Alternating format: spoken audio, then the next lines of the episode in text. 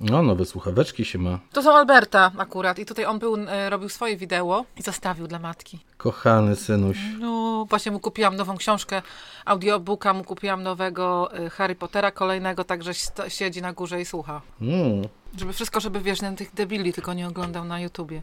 jakich debili. Wiesz, na te głupie programy. A, no tak, no tak, no tak.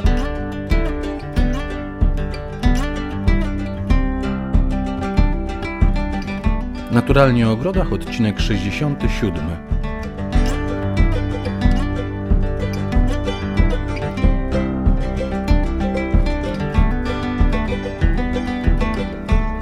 Naturalnie o ogrodach Katarzyna Bellingham, Jacek Naliwajek. Witamy bardzo serdecznie. To chyba 67 odcinek już. Już? No, piękny numer 67. E, Dziś e, mówić będziemy o tym, co się dzieje tak w środku lipca, o tym, że zbieramy plony, no i zostają puste miejsca na zagonach, o tym, że niektóre rośliny już pomachaliśmy im rączką, wykopaliśmy albo zamarły w taki sposób, że no nie są już ładne i trzeba coś dosadzić e, innego. Więc to będzie główny temat, ale powiemy też o naszych doświadczeniach ze ślimakami, bo ten rok bardzo sprzyja dwóm zwierzętom w naszych ogrodach. Ślimaczane. Jedne to są Kotom i ślimakom i ślimaki, kurom. kotom i kurom. Nie wiem, czy sprzyja. Mój kot jest zadowolony, kur nie mam, więc wierzę Ci na słowo, e, że kurom też ten rok sprzyja. Ale przede Mój wszystkim... kot niestety nie lubi teraz domu, bo latem y, czasami na kotach są pchły i zanim ja zauważę te pchły, na szczęście już moje koty są odpchlone, ale e, zanim zauważę te pchły, to koty w tym momencie przestają przychodzić do domu i większą czasu, większość czasu spędzają w ogrodzie, więc jak gdziekolwiek się odwrócę, na jakiejkolwiek zagonie, w, żywo, w żywopłocie, w żywokoście, w szklarni, w pomidorach, gdzie się tylko nie odwrócę, to leży jakiś rozwalony kot. Dlatego ja y, wysiewy prosto gruntu, o których będziemy dzisiaj mówić, dla mnie są niemożliwe, bo jak nie kura, to jak nie kot, to jak nie e, gołąb, które też kocham i nic im nie zrobię, bo są Wiesz słodkie. kup obruszki dla kota, ślimak. to nie będzie miał pch- pcheł. Obruszki. Takie obruszki. Obrusz- Ja mam obruszkę dla swojego Nie, kota na kleszcze, bo kleszcze e, czepiały Nie, no się go my wiosną. mamy kleszcze y, wzgorzałe, mamy jakąś, y, d- Molly dostaje taką tabletkę, która fantastycznie utrzymuje mleszcz, y, mleszcze, kleszcze y, z Moli, nie wchodzą na nią, ale tutaj po prostu myśmy y, nie zauważyli, że już są te, te pchły, oprócz tego, że oczywiście mnie też, bo ja chodzę na, na bosaka po domu, zresztą na zewnątrz też często, chociaż nie jestem Harry Krishna, ale po prostu nienawidzę butów i skarpetek. Większość na pewno ludzi też tak ma. No i niestety parę razy już mnie ugryzły te pchły i to jest, moje dziecko y, 11-letnie nie może zrozumieć, jak to jest, że w XXI wieku nas gryzą pchły. No, m- Ale mądre, już nie gryzą, bo już są mądre obruszki. Dziecko, mądre dziecko, bardzo mądre dziecko. Nie, ja mi chodziło o dwa zupełnie inne zwierzęta, którym ten rok e, e, sprzyja. Jedne to są ślimaki, o których powiemy na zakończenie tego odcinka, czyli o naszych doświadczeniach i pomysłach na ślimaki i o tym, który środek ewentualnie możecie zastosować, taki chemiczny środek na te e, ślimaki, a drugie zwierzę to komary. Ja nie jestem po, pogryziony przez pchły, ale jestem pogryziony nie ma przez komary. Jestem bardzo wrażliwy na wszelkie ukąszenia e, komarów. Ach, to okropne. No. To będę zaraz poukąszona również, jak przyjadę do No, Polski. m, przez To pewien się czas, przerzucę na przez komary. pewien czas e, komarów na Pomorzu nie było. Spotkałem się z nimi na Podlasiu, spotkałem się e, z nimi na Mazowszu. Na Pomorzu długo, długo mijają. roku, tak? W tym roku, tak. I dopiero niedawno zaczęły się na Pomorzu komary. Więc wiesz, No tak. jest zabawa. Dobrze. To jest, coś, co, y, to jest coś, co dla Anglików w ogóle nie jest problemem, ponieważ w Anglii nie ma komarów.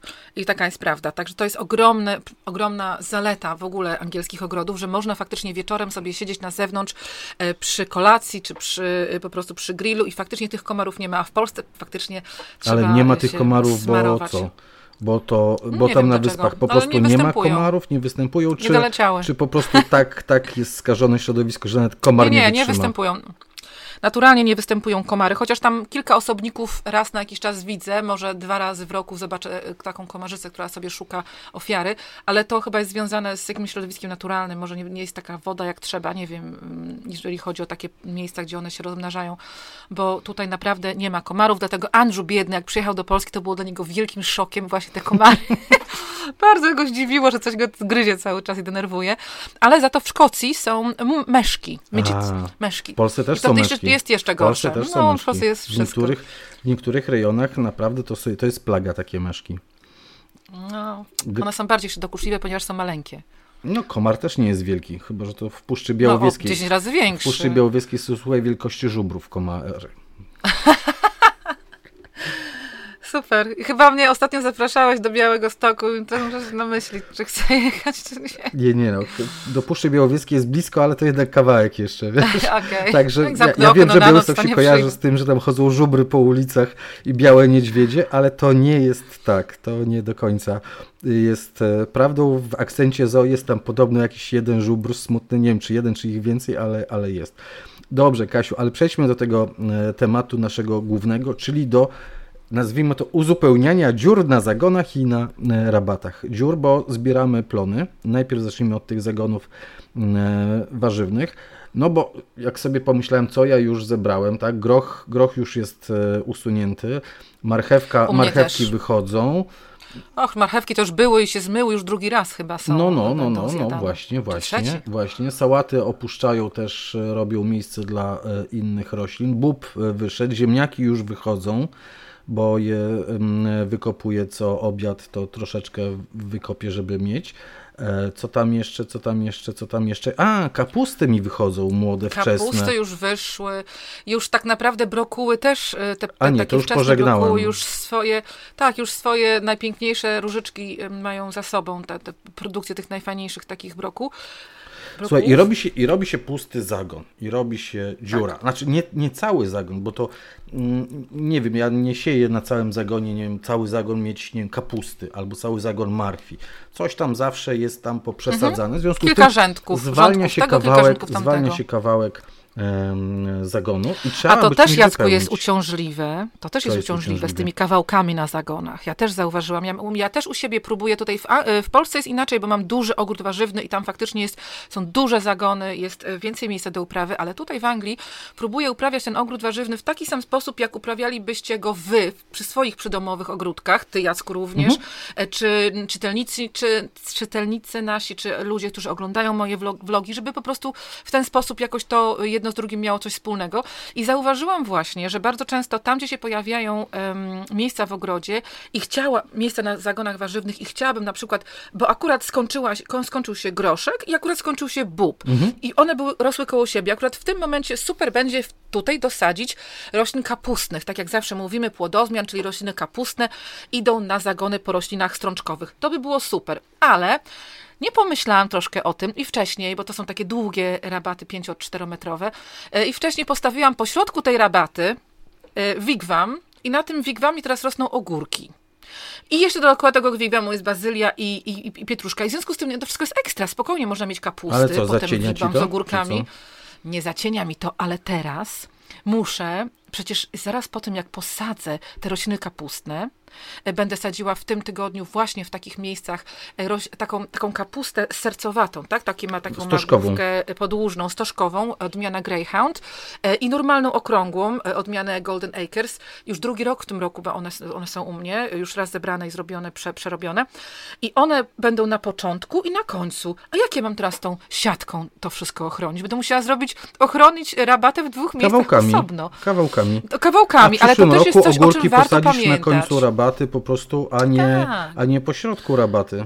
No, ale widzisz, mi się bardziej komponuje ten, Ja ten wiem, ja wiem, bo to stożek, stożek po środku jest lepiej. W ogóle jak kiedyś, no, kie, kiedyś, kiedyś, e, nie wiem czy wiesz, znaczy pewnie wiesz, no, część architektów e, krajobrazu przecież dążyła do tego, żeby po środku była najwyższa roślina i potem, żeby na boki ta roślinność opadała, żeby robiła się taki, taki właśnie stożek, taka piramida, ale taka horyzontalnie, nie? Że, żeby tak w ten sposób tak, sadzić dlatego, rośliny. bo zazwyczaj to były takie okrągłe klomby, ja, więc one z każdej strony były symetryczne, więc faktycznie coś no, takiego. No. To był dobry pomysł. No. Także to, to jest taki, taka mała śmieszna rzecz, która mnie teraz wkurza, bo ja jestem perfekcjonistką, jeżeli chodzi o mój ogród i teraz będę miała okrycie, nie okrycie. I to po prostu warto pamiętać sobie na przyszłość. Już drugiego raz takiego błędu nie popełnię, bo ja sobie zaraz zapisuję wszystko. Naprawdę, słuchajcie, teraz jesteście na, na wiosnę. Ja jestem pewna, że większość osób zapisywała wszystko w swoim zeszycie, w kalendarzu, dokładnie co wysiewała. A potem, jak, się, jak przychodzi już czerwiec, lipiec, to po pierwsze jest naprawdę dużo pracy w ogrodzie. Po drugie, na przykład wyjeżdżam na wakacje. Po trzecie, po prostu nam się już nie chce, ale bardzo dużo osób przestaje zapisywać te informacje w zeszyciku kalendarzu. Uwierzcie mi, że to jest naprawdę szkoda, żebyście zaprzestali zapisywania tego wszystkiego, ponieważ jest to super ciekawe potem na przyszły rok, żeby otworzyć i zobaczyć, aha, to wysiałem w tym miesiącu i jeszcze wtedy nie plonowało, a ja bym chciał teraz, żeby to plonowało, żeby to już, żeby już mieć sałatę na przykład nad, y, w talerzu, powiedzmy w maju czy w czerwcu, więc muszę to zrobić o kilka tygodni wcześniej. Naprawdę warto zapisywać. Ja cały czas się łapię na tym, że nie wszędzie zapisuję daty, kiedy wysiewam, kiedy wysadzam do ogrodu, a to jest bardzo, bardzo bardzo, bardzo potrzebne po tym. Jeżeli naprawdę się chcecie pobawić tego ogrodnika, jeżeli chcecie, żeby ten wasz ogród warzywny miał ręce i nogi, żeby te plony cały czas wam dawały coś do jedzenia, żeby nie było właśnie pustych przerw, e, takich w ogrodzie, o których dzisiaj mówimy, warzywnym, to dlatego warto jest sobie zapisywać i do tego, szczerze mówiąc, najlepiej nadaje się taki po prostu kalendarz, e, taki, prawda, na taki um, formatu A3 powiedzmy. Oj, czy to będzie książkowy, czy to będzie tak. komputerowy, nie ma znaczenia, byleby zapisywać, e, byleby zbierać tak, byle doświadczenia. zapisywać i uwagi, i właśnie uwagi, doświadczenia takie, jak Kaśka e, zrobiła głupio, bo posadziła ogórki po środku rabaty i teraz ma problem. Także to też zapisywać. Ale Jacku, mówisz, że jak są przerwy teraz w warzywniku, to tak naprawdę um, teraz możemy tam coś posadzić um, albo posiać faktycznie wprost do gruntu, ale warto też, i o tym mówiliśmy na początku miesiąca albo jeszcze w czerwcu na pewno, bo zawsze mamy taką, prawda, taki mamy odcinek, Lipiec co w ogrodzie ekologicznym. Tak, albo lipiec w ogrodzie, albo czerwiec w ogrodzie ekologicznym, tak naprawdę dobrze by było, żeby na te miejsca y, puste nie tylko wysiewać teraz coś, bo to szkoda troszeczkę czasu, bo to jednak jesteśmy kilka tygodni do przodu, jeżeli już wcześniej przygotujemy jakieś rozsady. Więc jeżeli macie rozsady jakiekolwiek, czy jakiekolwiek, to mogą być boby, to mogą być groszki, to mogą być kapusty, to mogą tak naprawdę, jeżeli to był jeszcze czerwiec, jeżeli coś wysiewaliście, to może to być jeszcze wszystko. Im dalej w, w kierunku jesieni, tym ro, coraz mniejszy wybór, tego, co możemy wysiewać, wybór. się zmniejsza, dokładnie. Ale jeszcze w sierpniu, we wrześniu do września, tak? Jeszcze w sierpniu, we wrześniu możecie spokojnie jeszcze kilka rzeczy wysiać i o tym też na pewno będziemy mówili. Ja będę miała we wrześ- w sierpniu u siebie, pod koniec sierpnia mam warsztaty i na pewno będziemy wysiewać właśnie warzywa, które się wysiewa o tej porze roku. Um, także cały czas da się coś wysiewać. Nie spoczywajcie na laurach po takim wiosennych wysiewach, ale tak jak Jacek zaznaczył, też można wysiewać wprost do gruntu, chociaż ja powiem szczerze, że ja mam ogromne problemy z wysiewaniem wprost do gruntu, bo ja tutaj mam dużo szkodników, i troszeczkę jest mi ciężko w ogóle, zanim się odwrócę, to albo ślimaki mi zjadły wszystkie siewki, zanim zdążyłam powiedzieć ślimaki, albo mi koty leżą, chociaż mam to wszystko przykryte, ale one zdołają znaleźć jakieś wejście, te moje kocio, kociaki. Moje koty uwielbiają leżeć na wyściółkowanych rabatach wzniesionych w warzywniku i niestety przez to zrujnowały mi dużo, dużo, góry i z dołu dużo siewek. No dokładnie. A jak już nie koty i nie ślimaki, to y, jakaś kura jedna mi nauczyła się latać dziewczyna e, i teraz cały czas siedzi w warzywniku i chodzi mi pomiędzy kapustami po, po, po ziemi. Także ja u siebie w ogrodzie ogólnie mam problem z wysiewaniem wprost do gruntu. Jeżeli jedyną rzecz, którą wysiewam wprost do gruntu, to jest bób, ponieważ nasiona są ogromne. Potem sama roślina, jak wychodzi, to też jest taka dosyć duża i grubaśna, te, te, te młode pędy i spokojnie bób, no nie oszukujmy się, ale rośliny no one lepiej rosną po wysiewaniu wprost do gruntu, one lepiej się czują, tak, bo nie muszą mieć tej przerwy, że muszą znowu się przyzwyczaić do środowiska, w którym są, do którego są przesadzone, muszą znowu wytworzyć e, korzenie i tak dalej. Także jeżeli możecie u siebie w ogrodzie, to oczywiście, że wysiewajcie wprost do gruntu, ale jeżeli będziecie wysiewać tylko znowu wprost do gruntu, to będzie problem taki, że nie będziecie mieli czegoś już gotowego, jakichś gotowych rozsad albo w Będziemy długo czekać wówczas na, na plony. Dokładnie. A właśnie sianie rozsad, e, sianie na rozsadniku, czy sianie w multipaletach, w multiplatach, to przyspiesza po prostu ten proces e, rośnięcia e, roślin, bo część czasu, kiedy ona kiełkuje, kiedy ona podrasta, kiedy rozwija się tam do 3, 4, 5, 6 liści, spędza w pojemniku, gdzieś niekoniecznie na zagonie i nie czekamy długo i Także jest większa szansa ochrony przed tymi wszystkimi Dokładnie. szkodnikami, o których mówisz. Jeśli wysiewamy, to e, choćby w multiplatach, czy doniczkach, czy e, na specjalnie przygotowanej do tego po prostu rozsadniku. E, no bo i ze ślimakami łatwiej z innymi. Ja wysiałem miesiąc temu rzodkiew, tak jak mówiłem. E, nie zostało z niej e, nic specjalnie. O Jezus. Znaczy wiesz, wyszła, wyszła, wyszła, oczywiście, że wyszła, tylko że teraz zostały A, same pchełki, prawda? Zostały same jeszcze pchełki, jeżeli bo, to jest nie, u mnie pchełki kapustna. to pół biedy, wiesz, jakoś z pchełkami sobie daję e, radę. Najgorsze to były ślimaki, które mi po hmm. prostu wtrążoliły tak. wszystko. Łącznie teraz dobierają się do marchewki, ale... No to masz naprawdę przekichane z tymi ślimakami. U mnie ślimaków jest dużo, ale marchewka, do marchew... no to jeszcze nie wpadło mi do głowy, żeby na marchewkę nie, się no, zabrać. A marchewka niestety jest jednym z tych plonów, które jednak trzeba siać do ogrodu. To no. nie ma tak, że... Na naci, nie, nie, on już na dużo u nas się włożył. Ale o ślimakach na zakończenie e, powiemy, e, jak, jak sobie z nimi radzić. Dobrze, to teraz, to teraz co będziemy siali na, albo co będziemy wysadzali na zagonach e, warzywnych? Teraz, pod przede koniec lipca, przede bo wszystkim... zaczęła się trzecia dekada e, lipca już. E, przede wszystkim pamiętajcie, że i teraz w sklepach, jeżeli kupicie nasiona i na przykład napisane jest na tych nasionach, że można wysiewać na przykład marchewka czy e, buraczki, napisane jest, że można wysiewać powiedzmy do lipca, mhm. E, można wysiewać wiosną powiedzmy, bo u nas w Polsce jeszcze troszeczkę jesteśmy tak troszkę do tyłu, jeżeli chodzi o te wysiewy w szklarni, tak na rozsady. Na opakowaniach warzyw, nasion warzyw często w ogóle nie biorą tego pod uwagę, tylko napisane siew wprost do gruntu, powiedzmy odtąd dotąd. Ale i, i na przykład tak jak marchewki, czy jak burak liściowy, czy jak burak, czy jak e, są też e, jeszcze wiele szpinaków, e, sałaty. Zaraz będziemy dokładnie wymieniać, co możecie jeszcze wysiać, ale jeżeli będziecie kupować te nasiona i zobaczycie, że w instrukcji na nasionkach jest z tyłu na opakowaniu napisane, że wysiew wprost do gruntu, powiedzmy do końca lipca czy do końca sierpnia, to nie przejmujcie się tym wysiew wprost do gruntu. To nie oznacza, że to nie może być wysiane na rozsadniku w szklarni. Tak? Mhm. W ogóle się tym nie przejmujcie. I w, tylko, że wtedy y, też wiadomo, że są różne sposoby. Na przykład sałatę można wysiewać albo tak do takich nasionek do takich y, doniczek P9, czyli takich kwadratowych czarnych doniczek, że tak powiem rzutowo i potem pikować, albo można od razu y, już wysiewać po dwa nasionka do każdej komóreczki w multiplatach. Znowu jeżeli chodzi o buraczki, to też można wysiewać po 3-4 nasionka, prawda, w jednym, w jednym, w takim jednej komóreczce multiplatów. Również jeżeli chodzi o pory, też można w ten sam sposób wysiewać, albo tak jak z, z, z sałatami można było wysiewać rzutowo i potem przepikować, tak? tak? Także to są różne sposoby, już wtedy to sami musicie sobie zdecydować, jak dla was jest najlepiej, ale najważniejsze, żebyście wiedzieli, że jak jest napisane na opakowaniu, że wysiew wprost do gruntu, to nie musi być koniecznie wysiew wprost do gruntu. Spokojnie, jeżeli jeszcze możecie to wysiać w szklarni, ale oczywiście po tym, jak one wzejdą, to one nie muszą być w szklarni, no bo w szklarni może być gorąco dla Trochę nich. Trochę za ciepło. Wiadomo, mhm. Możecie oczywiście, tak należy zresztą wszystkie okna mieć pootwierane, wszystkie drzwi mieć pootwierane, żeby jak największy by był przepływ powietrza, ale jak one już wykiełkują i będą, już będą tam jakieś takie części zielone miały, no to naprawdę nie warto tego trzymać w szklarni. Ja nie mam w Anglii inspektu, w Polsce mam inspekt, więc to by przeszło do inspektu. Oczywiście nie mówimy w ogóle o szklarni ogrzewanej, bo latem się nie ogrzewa szklarni. Ale tutaj Raczej, nie mam inspektu, więc sobie... Szklarni. Dokładnie. E, tutaj nie mam inspektu, więc sobie rozłożyłam na kompostownikach od góry taką dużą płytę, taką, jak to się się nazywa MDF, czy taką mhm. płytę drewnian, drewnianą jakby. I na tym po prostu poustawiałam swoje, y, swoje multiplaty z, z, z, takimi warzywami, jak właśnie różne, różne, przeróżne kapustne, szpinaki, sałaty, koperek, pietruszka. To wszystko było wysiane kilka tygodni temu.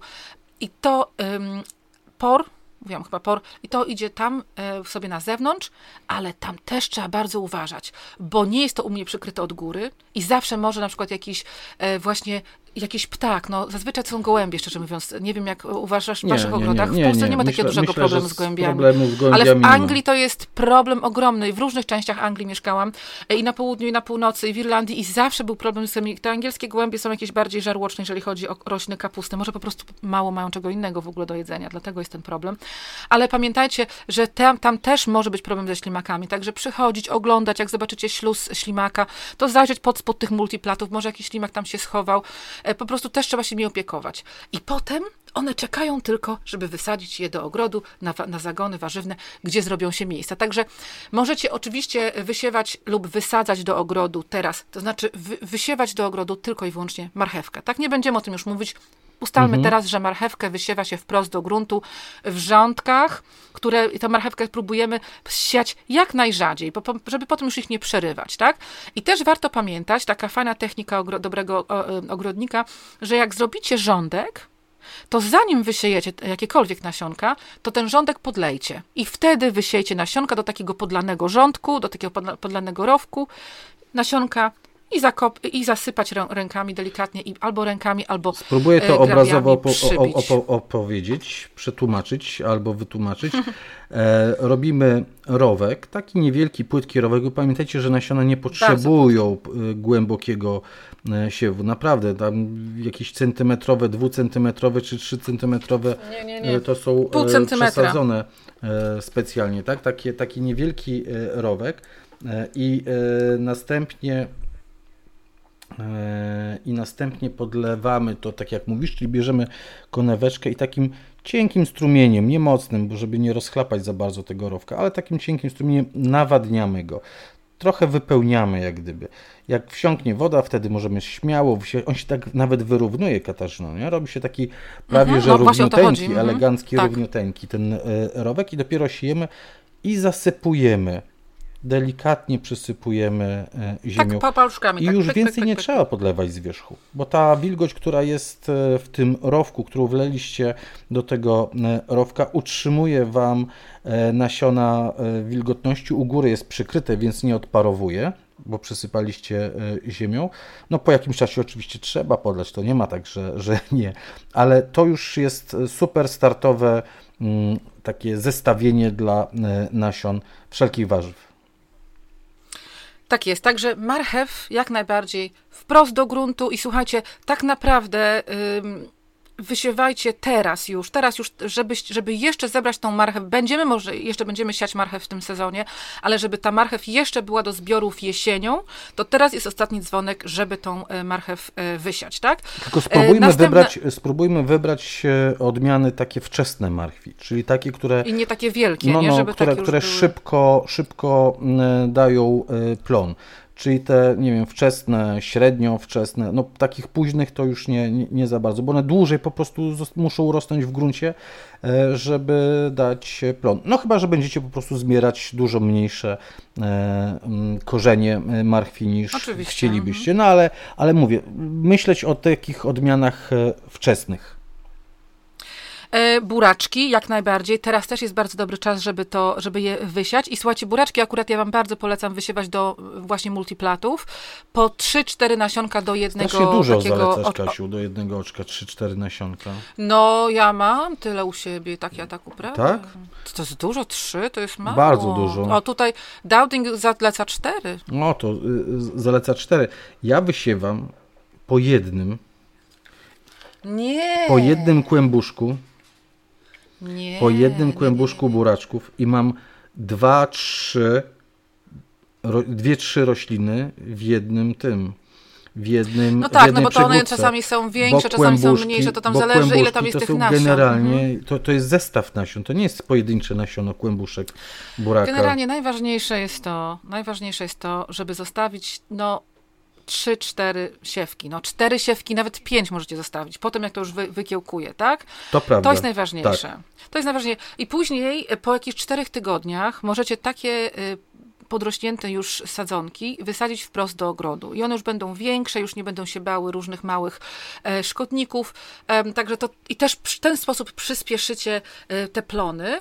I też możecie już widzieć, na przykład zaplanować, aha, dobra, w przeciągu dwóch, trzech tygodni akurat zjemy już wszystko, co tutaj jest na tym zagonie, więc ja teraz wysiewam buraczki, żeby akurat potem weszły na ten zagon, jak my to coś tam zjemy co ustąpi miejsce buraczkom. Także to jest takie fajne planowanie. To sprawia, że to, że to ogrodnictwo w ogrodzie warzywnym jest takie jeszcze bardziej fascynujące. E, Też świetną rośliną, którą teraz można wysiewać, to jest... Um, mało w Polsce uprawiany, ale bardzo popularny w, na przykład w Anglii i bardzo popularny również, y, moje kury uwielbiają liście, buraków liściowych. Y, I buraki liściowe można kupić właściwie w, w dwóch zestawach. To mogą być albo odmiany o kolorowych pędach, Ruba, y, Ruby Child, się nazy, y, Ruby Child chyba się nazywa i są bardzo ładne kolory, bo są i taki złoty, i czerwony, i purpurowy. One są bardzo... ym, ozdobne w takim warzywniku jesienno-zimowym też, bo one się nie boją chłodów. No i oczywiście też jest taka odmiana Lucullus i ją w Polsce też widziałam, tą odmianę Lucullus i ona ma śnieżno-białe, piękne pędy i to są naprawdę rośliny duże, liście duże, bardzo piękne Ale są. pędy, E, tak, ale liście ma zielone. Pędy ma bieluteńkie, Zielone ma liście, one wszystkie mają a zielone liście ma liście. e, zielone po prostu. One mają wszystkie zielone liście i jeżeli chodzi o właśnie o taki em, burak liściowy, to, bo często też jest takie pytanie, jak to w ogóle jeść. No, szczerze mówiąc, bardzo podobnie do szpinaku. One się po, y, zachowują podobnie do szpinaku. Trzeba je najpierw, y, że tak powiem, z, troszeczkę podgotować, żeby zwiędły, tak? I potem możemy albo podsmażać je z, z makaronem, albo podsmażać je z, z, z cebulką, czosnkiem i z, e, ze śmietanką, kremówką. No, tysiąc różnych pomysłów. To, co możecie zrobić z, ze szpinakiem, to możecie zrobić i z tym e, burakiem liściowym. I też e, jest dobry czas na wysiewanie buraków szpinakowych tak zwanych. To jest też burak liściowy, ale on jest już zupełnie podobny do szpinaku. I fajne jest to, że on naprawdę się nie boi chłodów i na przykład w Anglii on spokojnie przeżywa zimę. Dlatego ten burak szpinakowy może nawet wysiewać i troszkę później w sierpniu i my go właśnie będziemy na warsztatach sierpniowych wysiewać, bo on może powędrować do ogrodu jakiś miesiąc później po wysianiu, powiedzmy, czyli we wrześniu, i spokojnie już na święta Bożego Narodzenia będziecie mieli duże plony i spokojnie możecie się pokusić, żeby zostawić to w ogrodzie. Myśmy z Gorzałem często zostawili ten, zostawiali ten szpinak burakowy w ogrodzie na zagonach. Oczywiście to też zależy, czy wasz warzywnik jest y, bardzo otwarty na, na przymrozki, na mrozy, na wiatry, czy jest bardziej zaciszny. No to też jest bardzo ważne, ale tak zawsze mówimy, żebyście tak robili, żeby wasze ogrody były zaciszne. I wtedy możecie uprawiać takie rzeczy. Już nie mówię o tym, że jeżeli przykryjecie agrowłókniną białą, taką normalną, cienką agrowłókniną, to też o wiele jest większa szansa, że możecie mieć dużo, dużo plonów jesienią późną, na święta Bożego Narodzenia, a nawet zimą, tak? Pamiętajcie o tym. Na przykład, na przykład por. Tak naprawdę ja por wysiewam na początku lipca zazwyczaj, ten, ten drugi rzut pora, porów. I wszystkie pory wysiane wiosną, one teraz już jakiś czas są na zagonach, one będą prawdopodobnie do zbioru jesienią, mhm. a wszystkie e, pory, które wysiałam na początku lipca i teraz może w tym tygodniu je przepikuję um, i potem będą normalnie wysadzane e, do gruntu powiedzmy za miesiąc, to one będą, no tak na początku września, to one będą w gruncie nam dawały plony w marcu, w, w lutym, w marcu. Oczywiście pamiętajmy, że w Polsce może być zamarznięta ziemia akurat w lutym, w marcu. Kiedyś na Kaszubach, kilka lat temu jeszcze e, tak było, od kilku lat nie jest tak, więc to no, trzeba eksperymentować. A jeżeli macie folię jakąkolwiek, to już nie mówię, to już macie takie morze, morze możliwości e, po tym, jak usuniecie z folii pomidory, bakłażany, papryki, czy cokolwiek tam uprawiacie, to przecież czemu to miejsce ma tak sobie leżeć i nic tam nie ma rosnąć? Możecie tam uprawiać wszystko to, co możecie nam mieć na, e, w warzywniku, oprócz oczywiście takich roślin, które boją się mrozów, czyli fasolki, e, wszelkie bazylie, tak, no nie wszystko można, poza tym niektóre mają bardzo długi okres też dojrzewania, ale te wszystkie liściowe, tak, wszystkie sałaty, szpinaki, koperki, rukole, co tam jeszcze, nawet marchewki też, ten, ten szpinak, burak szpinakowy, to wszystko spokojnie możecie uprawiać w tych, w tych, y, pod tymi foliami. I, je, I zjadać zimą. Na święta, na, na stół na Boże Narodzenie, słuchajcie, sałata ze własnego ogrodu. A poza tym, właśnie sałata to jest coś, o czym chciałam teraz jeszcze powiedzieć, zanim e, przejdziemy dalej, bo to jest taka tutaj kolejna rzecz na, moje, na mojej liście. Sałaty w dzisiejszych czasach jest tyle różnych odmian. I jak bardzo chcecie, to też możecie zdobyć e, naprawdę nasiona z Anglii, bo wysyłają nasiona do Polski. To nie żaden problem, już teraz firmy angielskie. Słuchajcie, są na rynku teraz nasiona z sałat, e, szczególnie dwie takie sałaty wpadły mi w oko, które są odporne na chłody i nawet na zewnątrz można je uprawiać. Ja nie mówię o szklarni czy o tunel, ale nawet na zewnątrz. Jedna z nich to jest winter jam, mhm. czyli tak jak po prostu normalna e, sałata rzymska little jam, to ta akurat nazywa się winter jam i jest jedna sałata szmata y, masłowa, ale taka fajna, zbita, gruba, która też nadaje się właśnie na, na zimowe warunki, tylko oczywiście nie pamiętam jak ona się nazywa. To wystarczy, to jest wystarczy, zaznaczone na opakowaniu. Wystarczy, wystarczy, słuchajcie, nie wiem, wpisać w wyszukiwarkę internetową sałata zimująca.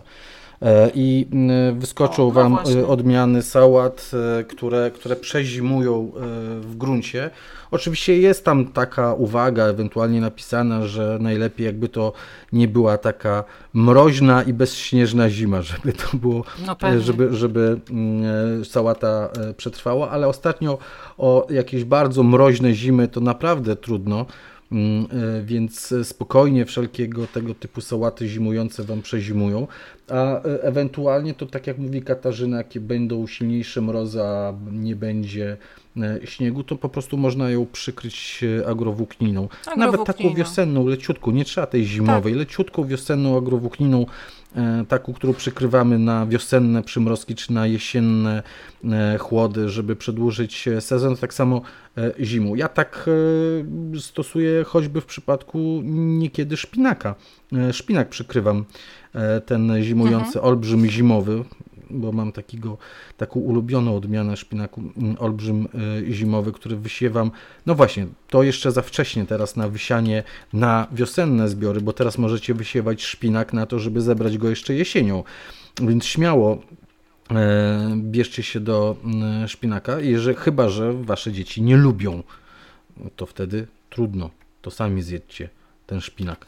Ale tak, koniec sierpnia, połowa sierpnia, początek września to będzie świetny e, okres do wysiania tych wszystkich e, szpinaków, które wiosną po prostu bardzo szybko, bo one wytworzą już małą rozetę e, do, do, do chłodów i potem przetrwają całą zimę i wiosną jak puszczą te liście, jak puszczą się, to nic tylko potem zbierać i robić gnocchi według przepisu Katarzyny, który, który pozyskałem od niej, gnocchi ze szpinakiem i, serem pleśniowym. Pychota.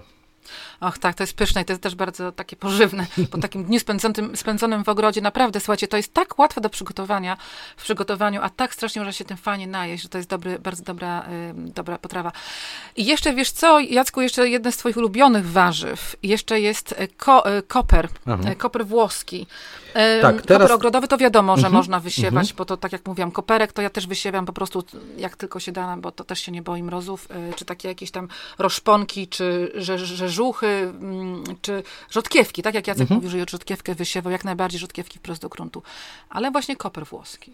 Koper włoski jest dobrym poplonem. E, mój koper e, włoski, już ten część, ta, ta część roślin, która ocalała, poszła bardzo mocno, wybiła w pędy kwiatostanowe, więc e, mm, zbieram teraz te liście i dodaję je do młodej kapusty. Ja robię młodą kapustę z koperkiem, a że ostatnio miałem kłopot z koperkiem, to sięgnąłem po gałązki kopru włoskiego i ta kapusta mhm. nie miała co prawda takiego koperkowego zapachu i smaku, ale miała taki lekki anyżowy. Przecudny, nowy, nowy smak, który się pojawił w duszonej e, kapuście, lekki anyżowy z tych e, listków, tych takich pierzastych listków, koperkowych takich listków. E, mhm, one wyglądają jak koperek, chociaż smakują zupełnie inaczej. Smakują tak. zupełnie inaczej, pachną zupełnie inaczej i dodają do niezwykłości potrawie. Taki wiesz, anyż taki orientalny. Ty, ty nie lubisz anyżu, podobno mówiłaś. Ja nie lubię anyżu, więc ja akurat nie przebadam za tą, e, za tą rośliną, za tym włoskim koprem, to ale jak to cię zaproszę, ważne. to nie zrobię ci kapusty z e, anyżem, tylko zrobię z koperkiem. Z koperkiem, to proszę. E, słuchajcie, co jest ważne, to jest właśnie to, że oczywiście um, koper włoski, tak zwany fenku, zazwyczaj jesteśmy przyzwyczajeni do tego, że uprawia się po to, żeby otrzymać taką bulwę, prawda, tak. która jest zaraz nad ziemią, taka bulwa się tworzy. I ta bulwa jest najbardziej aromatyczna, więc na przykład jak robicie jakąś rybę na grillu, to do, do, do pojemnika, do którego wsadzicie, czy na jakąś tackę, na którą włożycie rybę, to, to warto właśnie włożyć tam tej rybie gdzieś tam e, w różne miejsca, gdzie można cokolwiek rybie wsadzić, to właśnie um, te kawałeczki Korzeń, tej, tej znaczy bulwy, bulwy tego, tak, ale, jeż, ale to jest tylko jeden pomysł i właśnie dlatego, jeżeli teraz wysiejecie ten fenku, to oczywiście jest za krótki sezon wzrostu, żeby on osiągnął tą, tą, tą ta bulwa osiągnął jakikolwiek wielkość. Do tego byście musieli tą, y, tą roślinę wysiać dosyć wcześnie, jeszcze powiedzmy w kwietniu. Ale spokojnie możecie, tak jak Jacek, używać tylko i wyłącznie tej części takiej zielonej, e, tego pióropusza liści, które też jest bardzo, bardzo um, smaczne. Także to jest, znaczy dla niektórych ludzi. ale, ale także to też jest taka możliwość, że niekoniecznie, no to też trzeba wiedzieć, prawda? No, no więc wam mówimy, że też możecie skorzystać z tego um, fenku, ale niekoniecznie z bulwy, tylko z aromatycznych liści. Mhm. Jeszcze w tym sezonie. Może też na święta. Wszystko na święta u mnie. Ja już się mogę czekać świąt. Ja zobaczę na święta, chcę zrobić, e, będę cię potem prosił o jakiś fajny y, przepis. Pasternak chcę zrobić w tym roku na Boże Narodzenie, bo podobno tam u was to się jada pasternak na Boże Narodzenie, więc ja mam dwa rządki pasternaku posadzone. E, ślimaki nie dały mu rady, na szczęście, bo ma mocne, takie duże, duże już e, liście.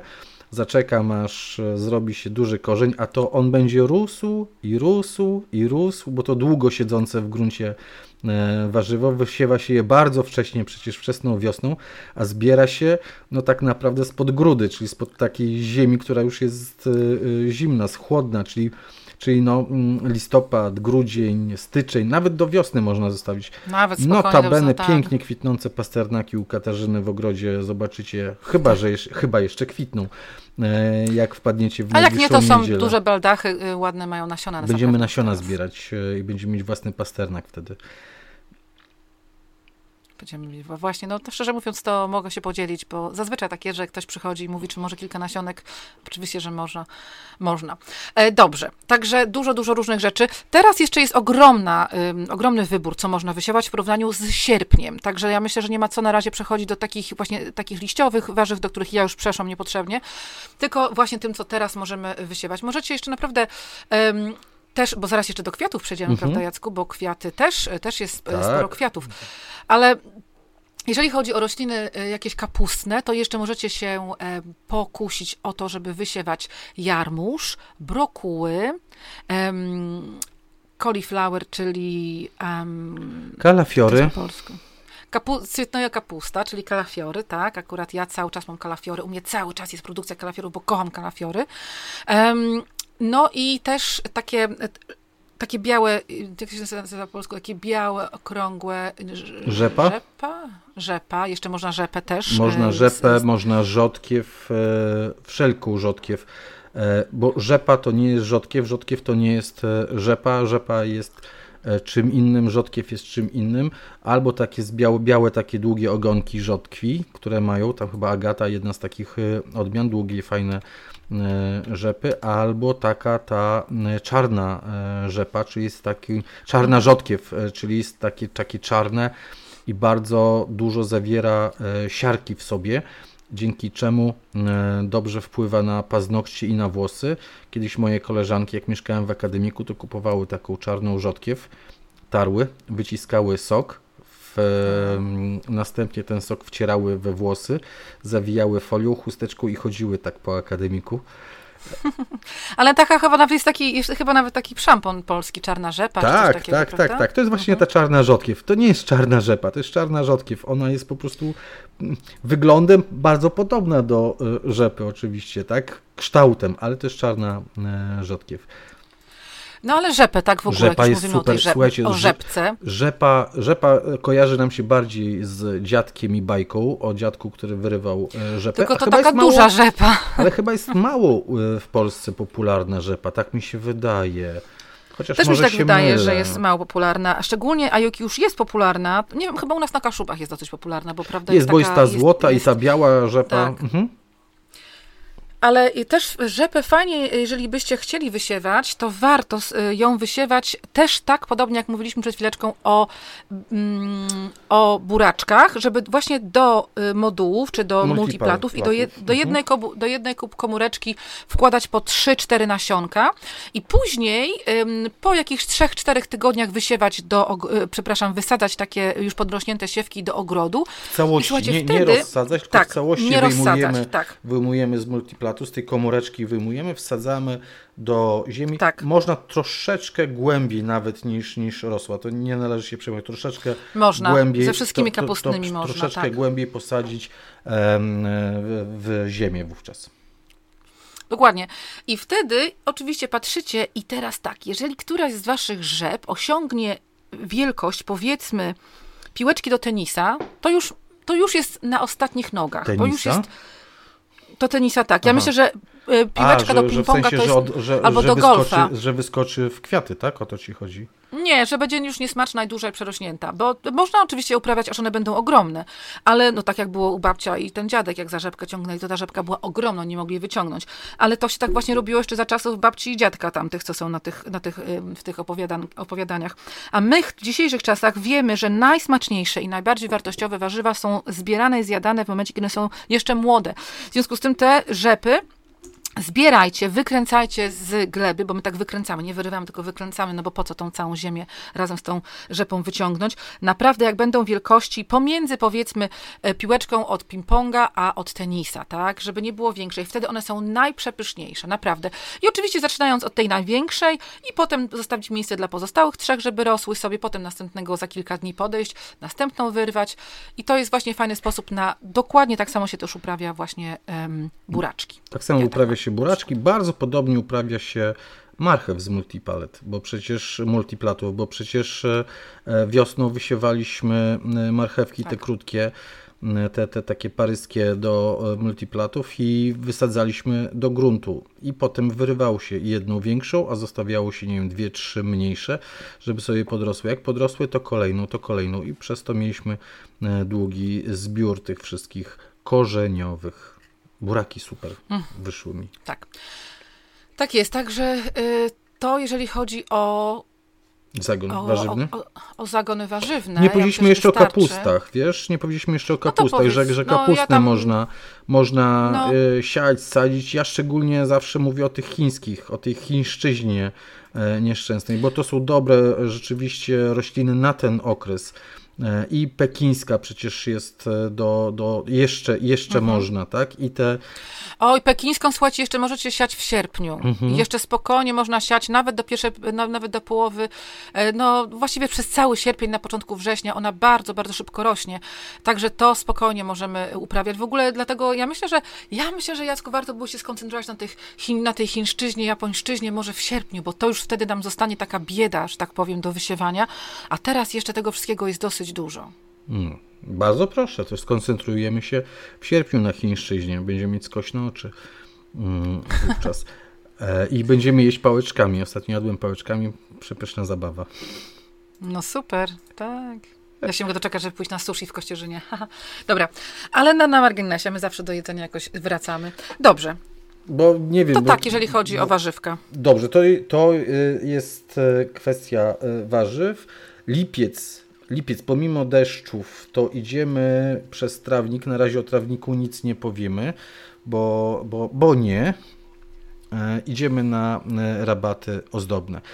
E, ale zanim do nich dojdziemy, bo będę chciał Ciebie zapytać, co tam fajnego można teraz wysadzić, to chciałbym, żebyśmy powiedzieli, co fajnego można jeszcze wysiać właśnie teraz, co fajnego można e, wysiać i to nie na rabacie, a właśnie do multiplatów, do doniczek, coś co będzie nam zdobiło w przyszłym roku. Myślę tutaj o roślinach dwuletnich przede wszystkim, tak?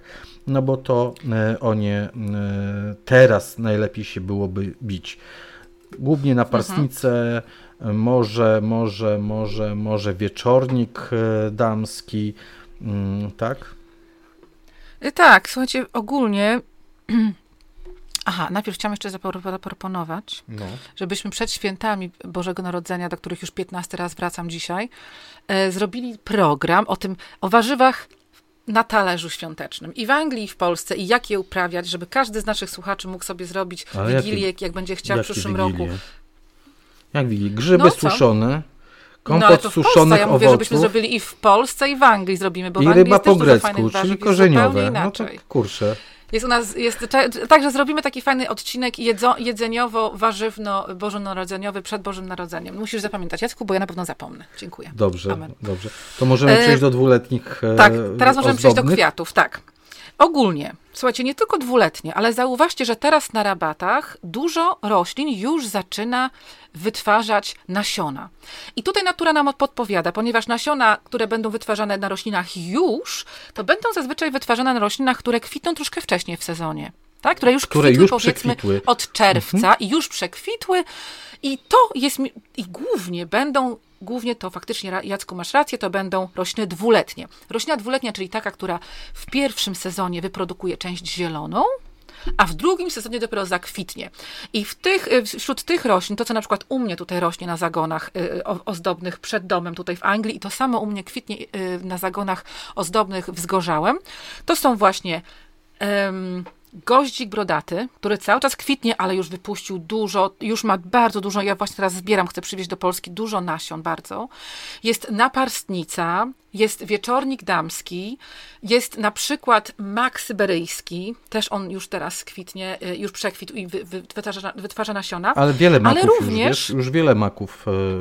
Yy, ale akurat ten mak jest A, dwuletni. Mhm.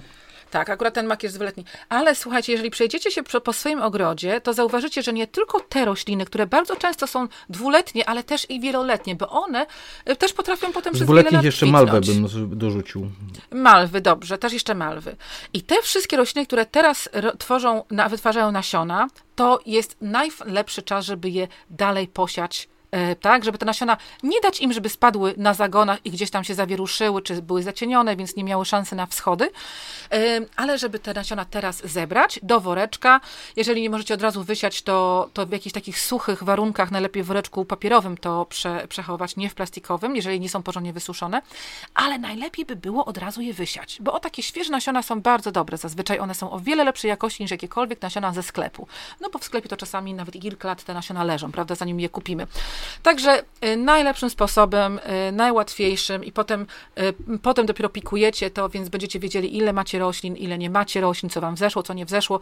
Po prostu teraz w tackach albo w takich płytkich doniczkach okrągłych, albo w doniczkach P9, po prostu wypełnić podłożem do wysiewu albo uniwersalnym, przybić delikatnie, wysiać na to nasionka. Przybić delikatnie, czyli docisnąć deseczką. Tak, tak docisnąć deseczką albo rączką delikatnie, ziemię, żeby, tak, zagęścić. żeby mhm. tak.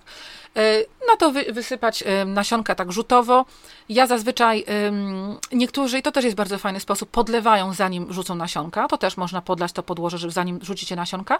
Potem przykrywam to zazwyczaj właśnie wermikulitem. To jest mój taki dyżurny, dyżurny medium do, do używania w ogrodzie i to jest bardzo fajna rzecz.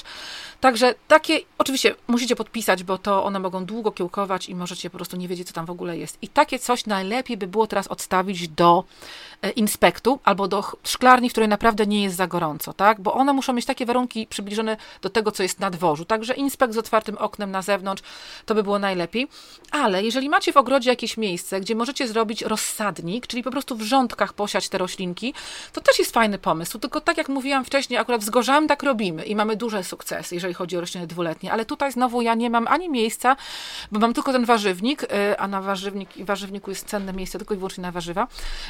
Ani też, tak jak mówię, mam problemy, bo zaraz coś mi te wszystkie siewki wcina.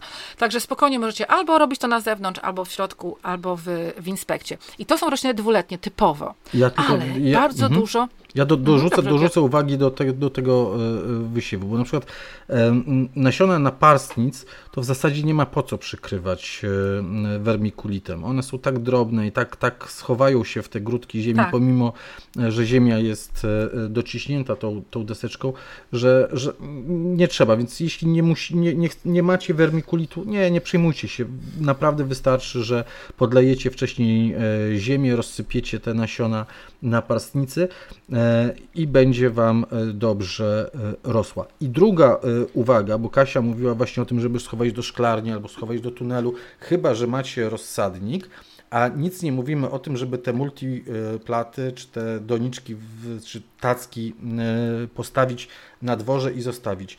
Dlaczego? Ano dlatego, że jak przyjdzie deszcz, to wam wszystko wybije, wypłucze e, i e, nie będziecie mieć dobrych plonów, bo wszystko wam spłynie w jedną stronę, albo zrobią wam się dziury od deszczu, bo przechodzą przecież ulewne burze, ulewne, ulewne deszcze burzowe, fronty te burzowe e, przechodzą i naprawdę ja zostawiłem kiedyś, bo nie zdążyłem schować taką tackę z naparsnicami, no to, to nic mi z nich, to, to z nic z nich nie zostało. Oczywiście gdzieś tam jakieś pojedyncze rośliny na końcu niewypłukane e, pozostały, ale to nie był ten efekt, którego się spodziewałem i nie po to e, napracowałem się przy ich wysiewie, żeby potem e, deszcz mi to wszystko zbił. Więc trzeba schować. Jeżeli, jeżeli nie macie szklarni, nie macie folii, nie macie mm, rozsadnika, to postawcie ten, e, te, te tacki wysiewowe czy multiplaty gdzieś pod jakimś daszkiem, gdzieś, gdzie mhm. nie będzie no. lało. Tak.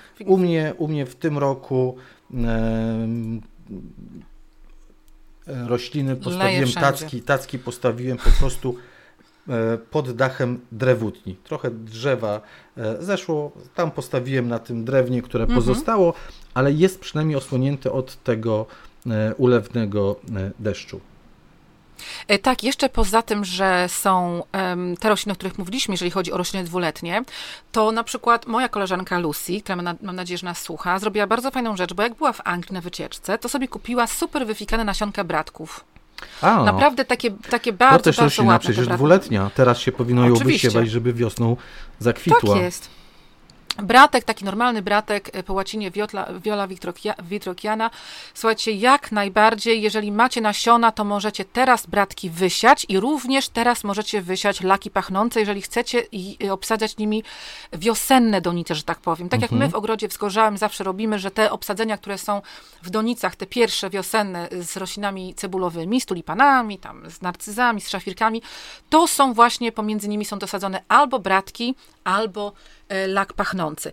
I teraz możecie to wysiać dokładnie w tym sam sposób, jak Wam mówiłam, albo na zagonach e, na rozsady, albo wewnątrz, w, w takich, na takie rozsady wewnątrz. Ale jeżeli chodzi o bratki, to też znowu jest zupełnie inaczej niż z naparstnicą, która ma malutkie nasionka. Bratki może mają i małe nasiona, ale one o wiele lepiej kiełkują, kiedy po wysiewie taką tackę przykryjemy, przykryjemy gazetą. Tak. Tak, tak, one wtedy lepiej wykiełkują. Tak, Także to, to są rzeczy, które naprawdę warto się pobawić. I potrzebują one dużo więcej ciepła i potrzebują dużo więcej ciepła niż, niż naparstnica do tego e, skiełkowania, ale to ważna jeszcze jedna uwaga, Katarzyna, w takim razie. Trochę inaczej je traktujemy mm, przed e, zimą, bratki i naparstnice, tak? Bo naparstnicę wysadzamy po prostu do gruntu.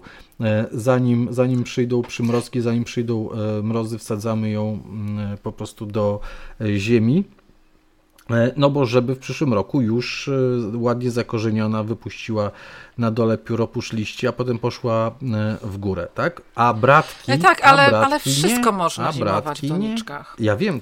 Słuchajcie, y, tak naprawdę to bratki oczywiście nie ma sensu wysadzać do, do, do, donic, te, do donic teraz, tak jak Jacek mówi, jeżeli możecie do ogrodu na parstnicę, to super, ale my na przykład bardzo często nie możemy od razu wysadzać na parstnicz czy czegokolwiek do ogrodu do z tego letniego, tak, z tego letniego siewu, bo po prostu nie mamy miejsca na rabatach, bo my mamy dosyć intensywne te rabaty, e, więc spokojnie one sobie czekają właśnie dlatego fajnie jest mieć inspekt w ogrodzie i tam te takie rzeczy sobie spokojnie przetrzymują zimę, czy nawet po prostu w, w, w tunelu, chociaż tam też nigdy nie ma miejsca, bo zimą też tam jest pełno mhm, jedzenia. Mm -hmm. Także to wszystko możecie sobie spokojnie uprawiać tak w ten sposób, żeby właśnie y, do donic i potem na wiosnę na miejsca stałe. No co, przynajmniej, to, przynajmniej te korzenie się rozwiną w tych doniczkach, prawda, te, te naparstnice. Nie będzie tak strasznie źle. To też to, to nie jest, wiadomo, lepiej by było na miejsca stałe, ale nie zawsze można. Poza roślinami dwuletnimi, które bardzo często też są e, i roślinami wieloletnimi, bo i szczerze mówiąc, i ten mak syberyjski, i e, goździk e, brodaty, i wieczornik damski, i naperstnica, to są tak naprawdę dla mnie rośliny, one są dwuletnie, ponieważ kwitną w drugim roku, ale one są tak krótko żyjącymi bylinami, prawda, można powiedzieć, bo one może nie są na zawsze, ale one przez kilka sezonów wytrzymują w ogrodzie. I to właśnie to jest jedna, jeden, że tak powiem, jedna kategoria, ale na pewno zauważacie, że już w ogrodzie nasiona wytwarzają się na innych, że tak powiem, normalnych bylinach, czyli roślinach wieloletnich. I te nasiona teraz, jak tylko one się wytworzą, też fajnie jest wysiewać od razu, żeby mieć na przyszły, na przyszły rok już rośliny. W ten samiotki sposób, jak mówiliśmy przed chwileczką o roślinach dwuletnich. Z tym, że musicie pamiętać, że większość roślin typu byliny wieloletnich, które kupuje się w szkółkach, które mają jakieś zarejestrowane odmiany, tych roślin to są hybrydy, to są, roślin, to są mhm. mieszańce. One są pokrzyżowane. Powiem Wam szczerze, że bardzo, bardzo rzadko i to właściwie nie da się otrzymać takiej samej rośliny z nasion. Dlatego takie rośliny lepiej jest rozmnażać przez podział, e, podział korzenia. Ale jeżeli macie taką roślinę, która jest jak najbardziej bliska swojej, że tak powiem, roś, e, w jakiejś takiej formie botanicznej, jak na przykład najzwyklejsza jeżówka, ta purpurowa, Echinacea purpurea, to spokojnie możecie wysiewać ją z nasion i otrzymywać na przyszły rok taką samą roślinę. To samo z cząstkiem, szczypiorkiem, mhm. no, z wieloma, wieloma różnymi, um, różnymi bylinami. Ale nie wiem, Jacku, w związku z tym, że u nas w Polsce są coraz takie bardziej łagodne zimy, to może warto powiedzieć też, że na przykład w Anglii, też pewnie wam o tym mówiliśmy wcześniej, w Anglii jeszcze w dodatku grupę roślin jednorocznych rozbija się na dwie grupy, na dwie podgrupy. Jedna tak, to są rośliny jednoroczne, Mówiłaś, e, tak? odporne tak? na chłody i jedna jest od jednoroczne nieodporne na chłody. I wyobraźcie sobie, że te nasiona roślin, które są odporne na chłody, można się pokusić, jeżeli macie inspekt albo zimną szklarnię, to możecie się pokusić i też wysiać je teraz i traktować je tak samo jak rośliny dwuletnie. I po prostu, co na tym zyskacie? Zyskacie na tym to, że nie musicie na wiosnę się nimi przejmować, a poza tym one zakwitną o wiele wcześniej w ogrodzie. Do takich roślin zalicza się na przykład nasturcje, wyobraźcie sobie, i nagietki, czyli nasi główni bywalcy naszych, naszych warzywników, tak?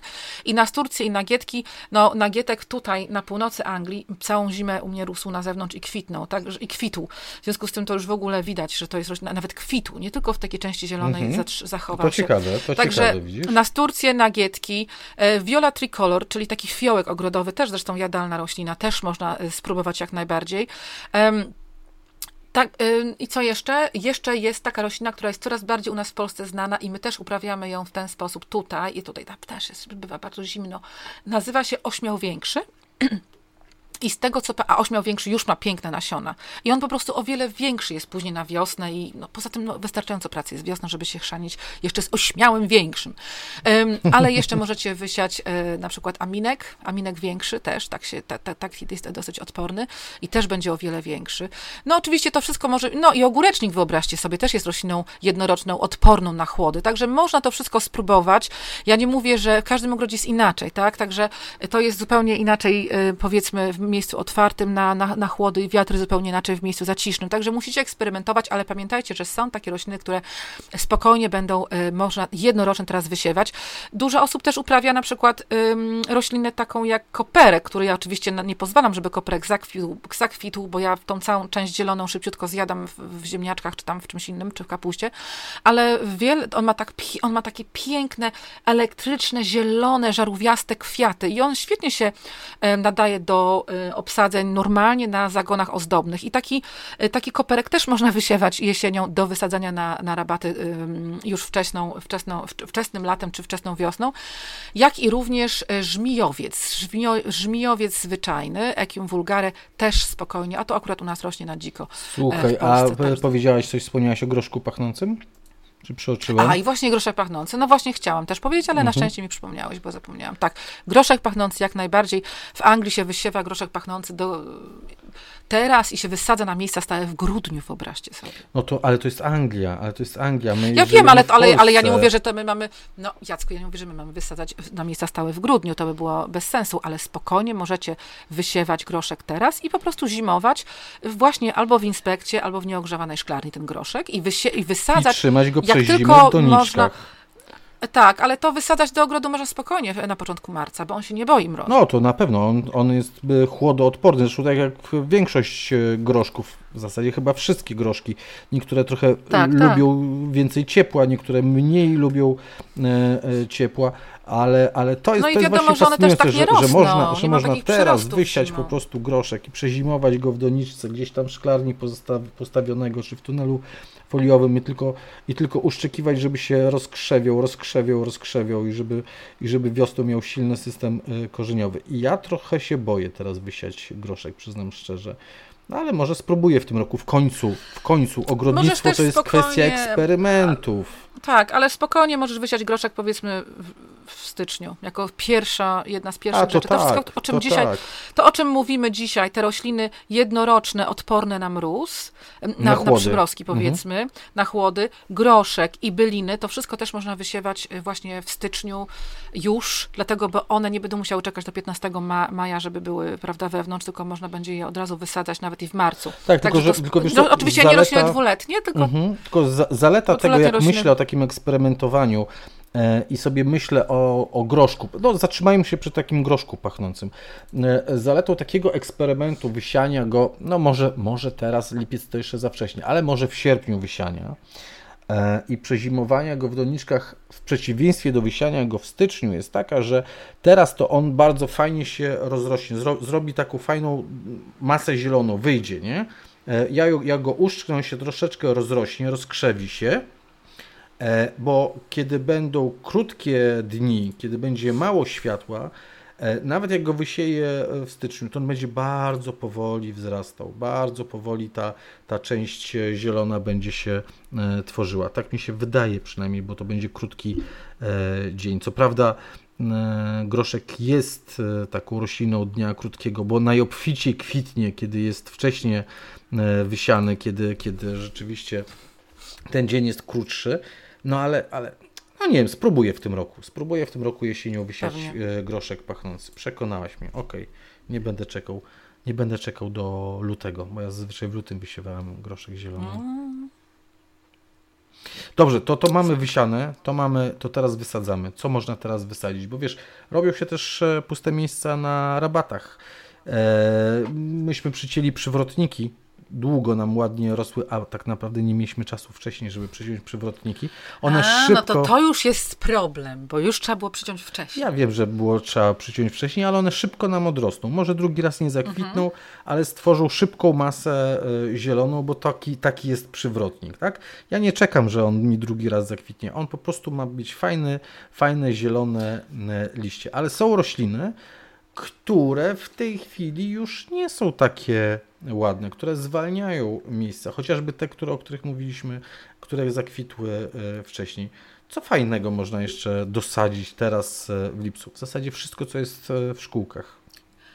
E, tak, no więc teoretycznie dobrze by było, żeby na takich rabatach, w momencie, kiedy wcześniej kwitnące byliny typu ostróżki, łubiny, przywrotnik ostroklapowy, kocimięta, że te rośliny w, w momencie, kiedy przekwitają i są przycięte do ziemi, żeby y, to miejsce, które one wypełniały wcześniej, zaczę, zaczę, zaczęło, zaczęły wypełniać inne byliny, które mają później kwitnąć. Powiedzmy na przykład floksy, tak jak u nas mhm. właśnie wzgorzałem w angielskim, e, angielskim ogrodzie, nagle te floksy teraz zaczęły kwitnąć i jest ich bardzo dużo.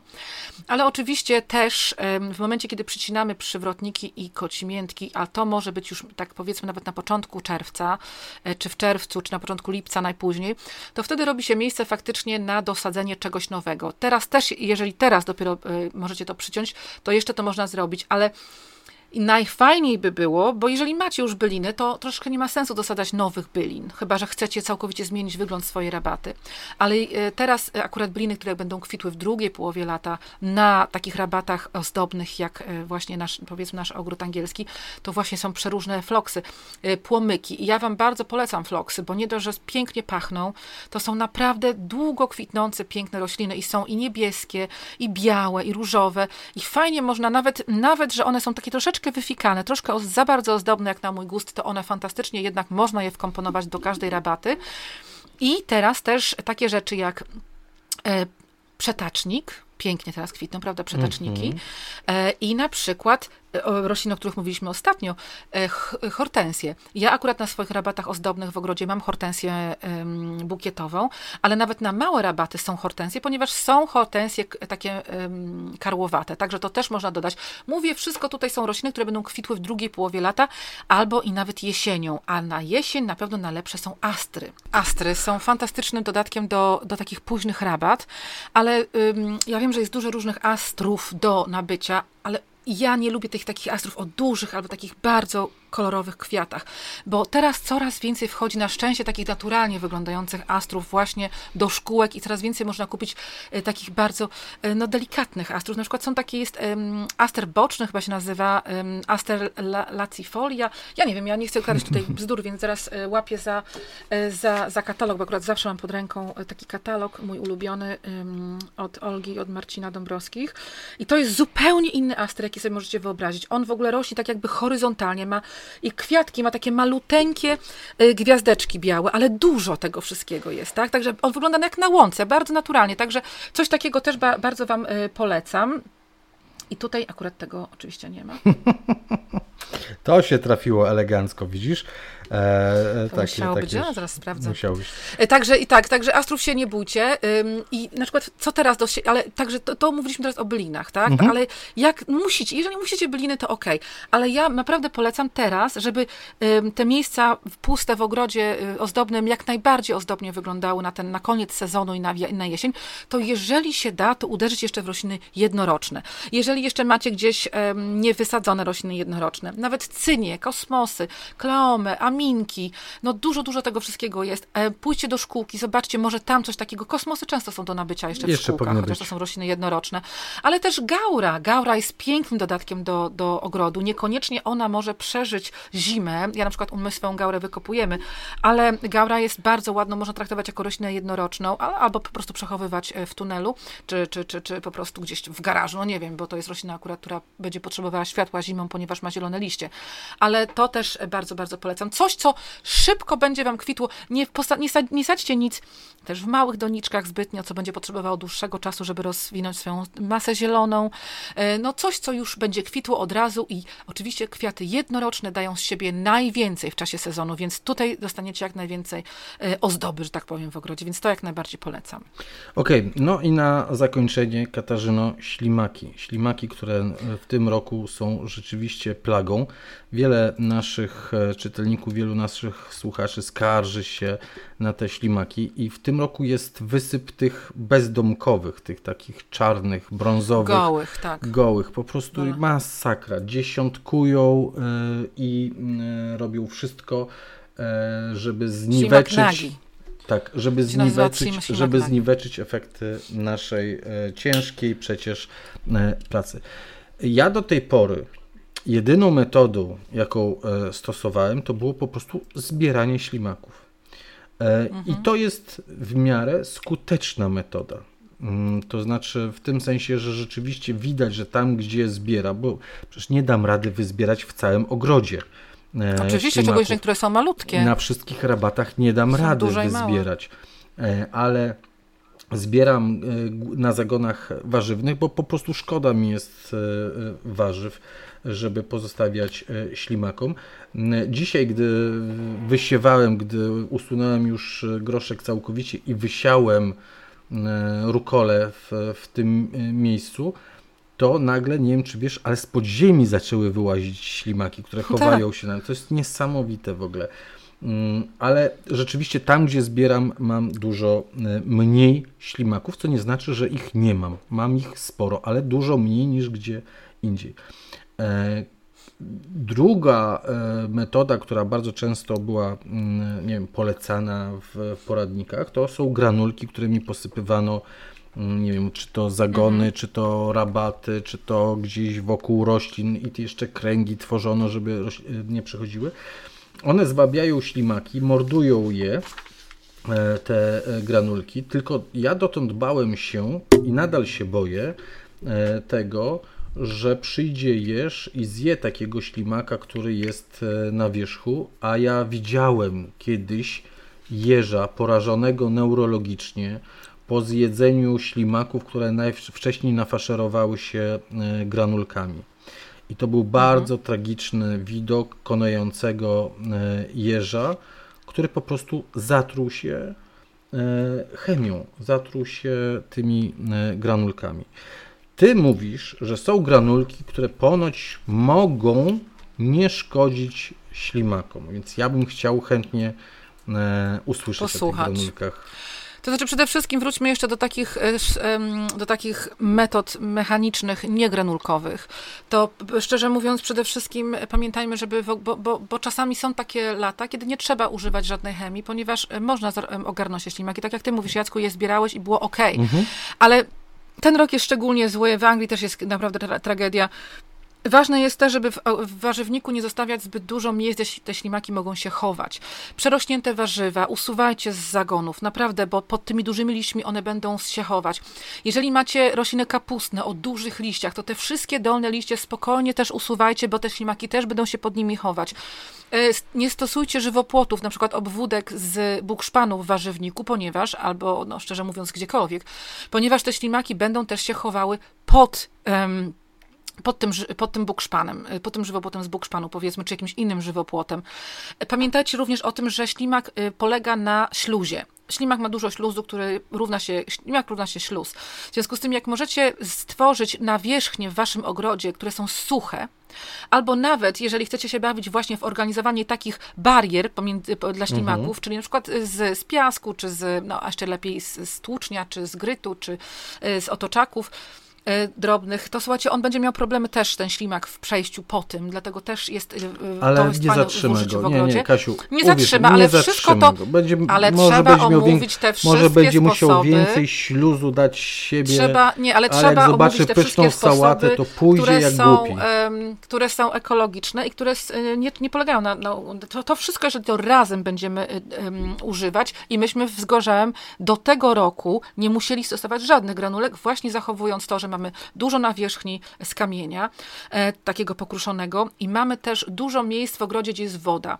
Nawet takie malutkie, malutkie miejsca, gdzie się ptaki mogą napić czy wykąpać, to też jest ważne, ponieważ w ogrodzie jest dużo ropuch. Ropuchy zjadają te ślimaki, jeże zjadają ślimaki, także nie, nie otaczajcie się płotami, przez które jeże nie mogą przejść. To jest wszystko, wszystko bardzo ważne. I tak naprawdę ostatnią już deską ratunku, jakakolwiek tylko może być, faktycznie jest na, na rynku i w Polsce on też już do Polski dotarł i ja w tym roku kupiłam do zgorzałego opakowanie czegoś takiego, ponieważ tam już Alina całkowicie y, prze, prze, prze, mhm. przegrywała walkę ze ślimakami, naprawdę. Ona w tym roku biedna, bo tam i, i ślimaki i, e, i, i, I również sarny. Y, sarny. U was sarny. Tak, na Myślę, że większym problemem u was w tym roku to były sarny niż ślimaki. Sarny. Chyba, że teraz sarny się wyniosły, a ślimaki wróciły. Y, tak, jest produkt na rynku, który jest w Anglii i chyba w Niemczech również i może w Polsce. W Polsce, w Polsce już jest, chyba. już wygooglałem, że jest. jest Ale że jest zaakceptowany przez, e, jest zaakceptowany przez rolnictwo ekologiczne i to jest preparat, który jest, jest dużo różnych firm, które produkują te aparat, e, preparaty na szczęście, więc to jest, jest wybór. Najważniejsze jest to, że składnikiem czynnym, e, substancja czynna tego preparatu to jest fosforan żelaza.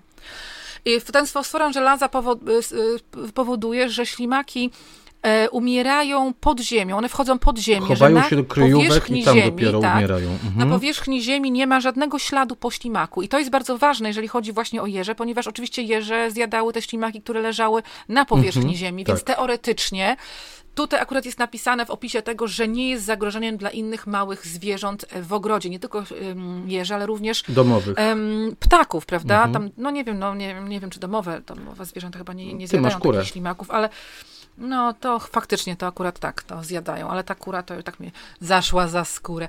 Dobrze. W każdym razie to jest preparat z fosfora, fosforan żelaza, więc jeżeli poszukujecie, to koniecznie zobaczcie na opakowaniu, to powinno być bardzo jasno zaznaczone, napisane, że to, to jest substancją czynną fosforan żelaza. I to żelazo, poza tym, że zabije ślimaka w ten sposób, że żadna inna zwierzyna nie ucierpi, to jeszcze w dodatku ten fosforan żelaza jest um, związkiem, który sam potem podobno według tego opisu tego, tych granulek rozłoży się w, gru, w gruncie i po prostu będzie tak jak nawóz, tak? Doda żelaza do gruntu, tak? To potem może być pobrane przez rośliny. Także teoretycznie wygląda na to, że to jest dosyć bezpieczne. I tak jak mówię, ja y, tego nie zrobiłam, ja tego nie sprzedaję, więc nie wiem, czy to jest ekologiczne, czy nie, ale wiem, że jest zaaprobowane przez ekologiczne uprawy w Anglii, więc y, dlatego też często nazywa się biogranulat na ślimaki. Mhm. Także jeżeli naprawdę już macie dosyć, jeżeli jesteście u granicy wytrzymania, to można się pokusić o taki granulat i pamiętajcie, one nawet nie są niebieskie, te granulki, one mają inny kolor, albo one są jasne zielone, ale takie trochę przezroczyste, takie białawe, tam nie ma takiego, one nie są niebieskie, bo one nie są aż tak trujące dla środowiska, może dlatego nie muszą być tak bardzo mocno oznaczane. Oczywiście na, na ulotce do tego środka będziecie, będzie opis, że trzeba umyć ręce po stosowaniu i tak dalej, i tak no dalej. Tutaj jak każdy zjadać, chemiczne nie wkładać sobie do oczu, ale to jest mhm. normalne. Ale pamiętajcie również, że um, że też ważne jest, w jaki sposób używacie tych granulek. Nie robimy żadnych kupek z, tego granul, z tych granul, granulek, tylko po prostu rozrzucamy dosłownie po kilka granulek przy każdej roślinie, więc można takim rzutowym, y, takim jakby sianie rzutowe, tak, tych granulek wykorzystać w taki sposób. Bardzo one nie potrzebują wcale być gęsto y, rzucone na, na, na ziemię, dosłownie kilka granulek przy każdej roślinie, wystarczająco, żeby te ślimaki, i zobaczycie, ślimaki od razu znikają. I to, że ślimaki znikają, to będzie jedyny sposób, w jaki zobaczycie, że to w ogóle działa. Nie, nie będzie żadnych, e, że tak powiem, nie będzie tego śluzu, ani części śluzu, ani, ani części ślimaków, mhm. które będą leżały na, na powierzchni ziemi. No to jest ciekawe. Zobaczymy. Mam nadzieję, że uda mi się, znaczy nie tyle kupić, co zastosować i przekonać, że to nie będzie szkodziło moim jeżykom. Na szczęście moje jeżyki y, zapuszczają się na e, rabatę taką pod, pod dębem, rabatę no nazwijmy ją paraleśną i tam buszują i chrumczą i tupczą i, i, i biegają. E, do, niestety do warzywnika mi nie zaglądają, w związku z tym zaś, ja muszę robić za jeże w tym mm, w warzywniku i zbierać je. I się zbiera po prostu, nie wiem, czasem pół wiadra. To jest niesamowite. Jakie ilości ślimaków można e, zebrać tak. z e, niewielkiego przecież warzywnika. Wszędzie są, wszędzie są. Mm, to ślimaki... Widzisz, możesz, możesz wtedy, jeżeli masz kury, to mógłbyś dać kurę, ale tak to średnio.